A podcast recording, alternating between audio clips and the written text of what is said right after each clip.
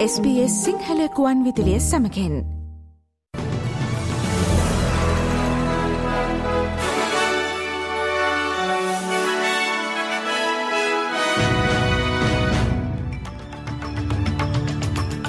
අද ඔක්තුම්බර් මාසේ තිස් එක්වනිතා අඟහරුවාදා SBS සිංහල සේවේ ප්‍රෘතිගෙනන මම දිනේශා දිල්රුක්ෂී විජේසූරිය.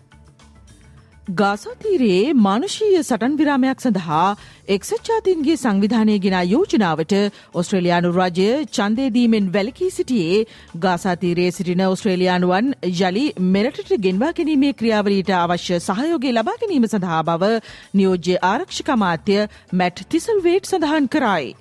රජයේ මෙම තීරණයට මධ්‍යම රජයේ විපක්ෂය සහ ග්‍රීන්ස් පක්ෂය දැඩි විරෝධතාව පලකොට තිබේ. එක්සත් ජාතින්ගේ සංවිධානය ගෙනා මෙම යෝජනාවට රටවල් එකසිය විස්සක සහයෝගය ලැබුණු අතර ඊශ්‍රායිලයට ඔක්තෝම්බර් හත්වනදා එල්ලවනු ප්‍රහාරේ අපරාධකරුවන් ලෙසට හමස් සංවිධානය නම් නොකළ බැවින් ඔස්ට්‍රේලියාව එයට චන්දේදීමෙන් වැලකී සිටීමට තිරණය කළ බව නියෝජ්‍ය ආරක්ෂක අමාත්‍යවරයා පවසා සිටේ. when the Australian government is trying to work uh, in the context of getting the 88 Australians that are still trapped in Gaza that do want to leave, uh, it makes it harder if you're going to the UN and voting against a resolution that actually supports something like that. Gaza තීරයේ යුද්ධය සම්බන්ධයෙන් හිටපු ඔස්ට්‍රේලයානු අගමැතිවරුන් හය දෙනෙකු විසින් අත්සන් කරන ලද ඒකාපද්ධ ප්‍රකාශයක් නිකුත් කොට තිබේ. John Howard Kevin Rudd Julia Gillard Tony Abbott Malcolm Turnbull සහ ස්කොට් මොරිසන් යන හිටපු අගමැතිවරුන්ගේ මෙම ඒකාපත්ත ප්‍රකාශයෙන් ඊශ්‍රායල පලස්තීන ගැටුම් හමුවේ එකමුතුව සිටින ලෙසට මෙරට සිටින ඔස්ට්‍රේලයානුවන්ගෙන් ඉල්ලා තිබේ.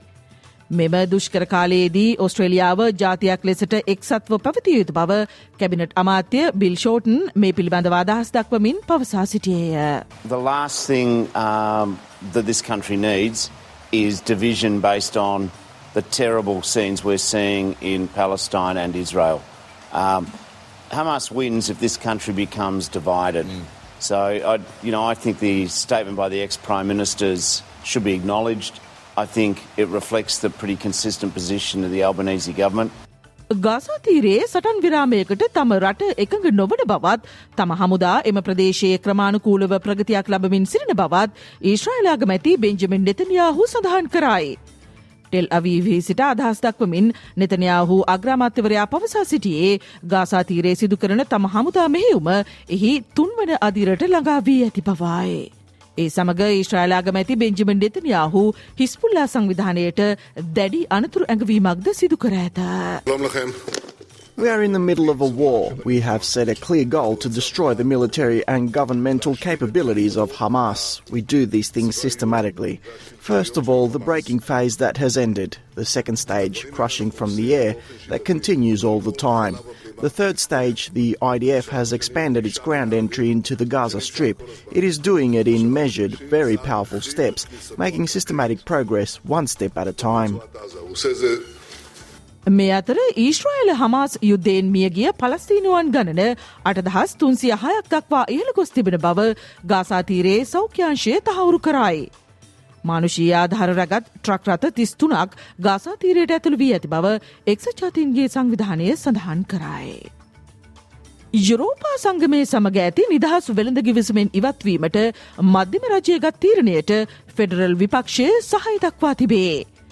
ජපානයේ ඔසාකාහි පැවති ජී හත වෙළඳ අමාත්‍යවරුන්ගේ රැස්වීමට සමකාමීව මෙම යුරෝපා සංගමය සමඟ ඇතිකර ගැනීමට උත්සාහගන්නා නිදහස් වෙළඳ ගිවිසුම පිළිබඳව යළි සාකච්ඡා කිරීම් සිදුව තිබේ. එහිදී එකඟතා පිළිබඳ වුණු පරස්පර විරෝධතා හේතුවෙන් නැවත සාකච්ඡා බිඳවැටුණු බව වෙළදාමාත්‍ය ඩොන් ෆෙරල් පවසා සිටියේ. ෆෙටාචීස් ප්‍රසකෝ වැනි වයින් වර්ග සහ ඔස්ට්‍රේලයානු කෘෂි නිෂ්පාදන යුරෝපිය වෙළඳ පොලට ප්‍රවේශවීම වලකාලමින් ඔස්ට්‍රේලයානු නිෂ්පාදකීන්ට පැනවෙන සීමා කිරීම් සඳහා එකඟතා ඇතිකර ගැනීමට මෙවර සාකච්ඡාවේදීද නොහැකිවුණු බව වාර්තාවේ. අද දින කවින්ස්ලන්තේ ඇතැම් ප්‍රදේශ සඳහා දැඩි ලැවගුණි තත්ත්වයක් ඇතිවිය හැකි බවට පුරෝකතරය කරේ. දැඩිව හමන බටහිර සුළං සහ උණුසුම් වායු ප්‍රවාහ ප්‍රාන්තය පුරා ලැවගුණි වේගවත් කරනු ඇති බවද කාලගුණාංශ අනවැකි පල කරායේ. මීට පෙර ඇතිවුණු ලැව්විනි තත්ව හේතුවෙන් තර්ජනයට ලක් වුණු බටහිර බ්‍රිස්බේන්හි ටාරා ප්‍රදේශයේ වැසියන්ට සතියකට පසුව ජලිත් එම ප්‍රදේශයෙන් වහම ඉවත්වන ලෙසට හදිසි අනතුරැඟවීමක්ද ජලිනිකුත් කොට තිබේ. ක්වීන්ස්ලන්තේ වෙස්ටන් ඩවන්ස් කලාපේ ඇතිවුණු ලැව්ගිරි හේතුවෙන් දැනටමත් නිවාස පණහකට ආසන්න සංඛ්‍යාවක් විනාශ වී ඇති අතර පුද්ගලෙන් දෙදෙනෙකු මියකුස් ඇති බව වාර්තාවේ. ශ්‍රී ලංකාවෙන් වාර්තාවන ප්‍රවෘති අද මවබිපෙන් පුවත් විශේෂාන්ගයෙන් බලාපොරොත්තු වන්න. ලෝකුසලාන එක්දින ක්‍රිකට් තරඟාවලියේ ඊයේ ශ්‍රී ලංකාව සහ ඇෆ්ගනිස්ථානය අතර පැවති තරගය කඩුළු හතකින් ජයගැනීමට ඇෆ්ගනිස්ථාන කණ්ඩායම සමත් වූහ.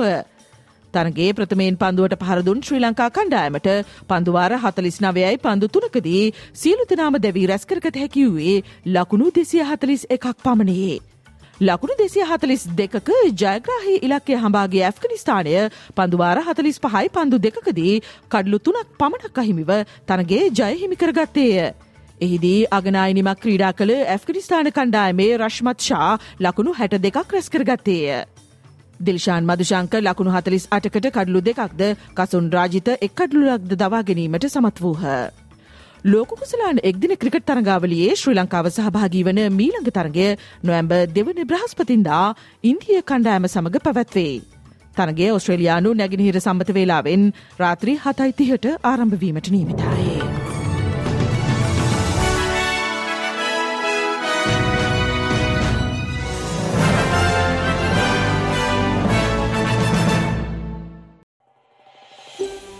මේ වගේ තවත්තොරතුරු දැනගන්න කැමතිද. එහමනම් Apple podcast Google podcast Spotify ඔබගේ පොඩ්කාස්ට ලබාගන්න ඕනෑම මාතයකින් අපට සවන්දය හැකේ.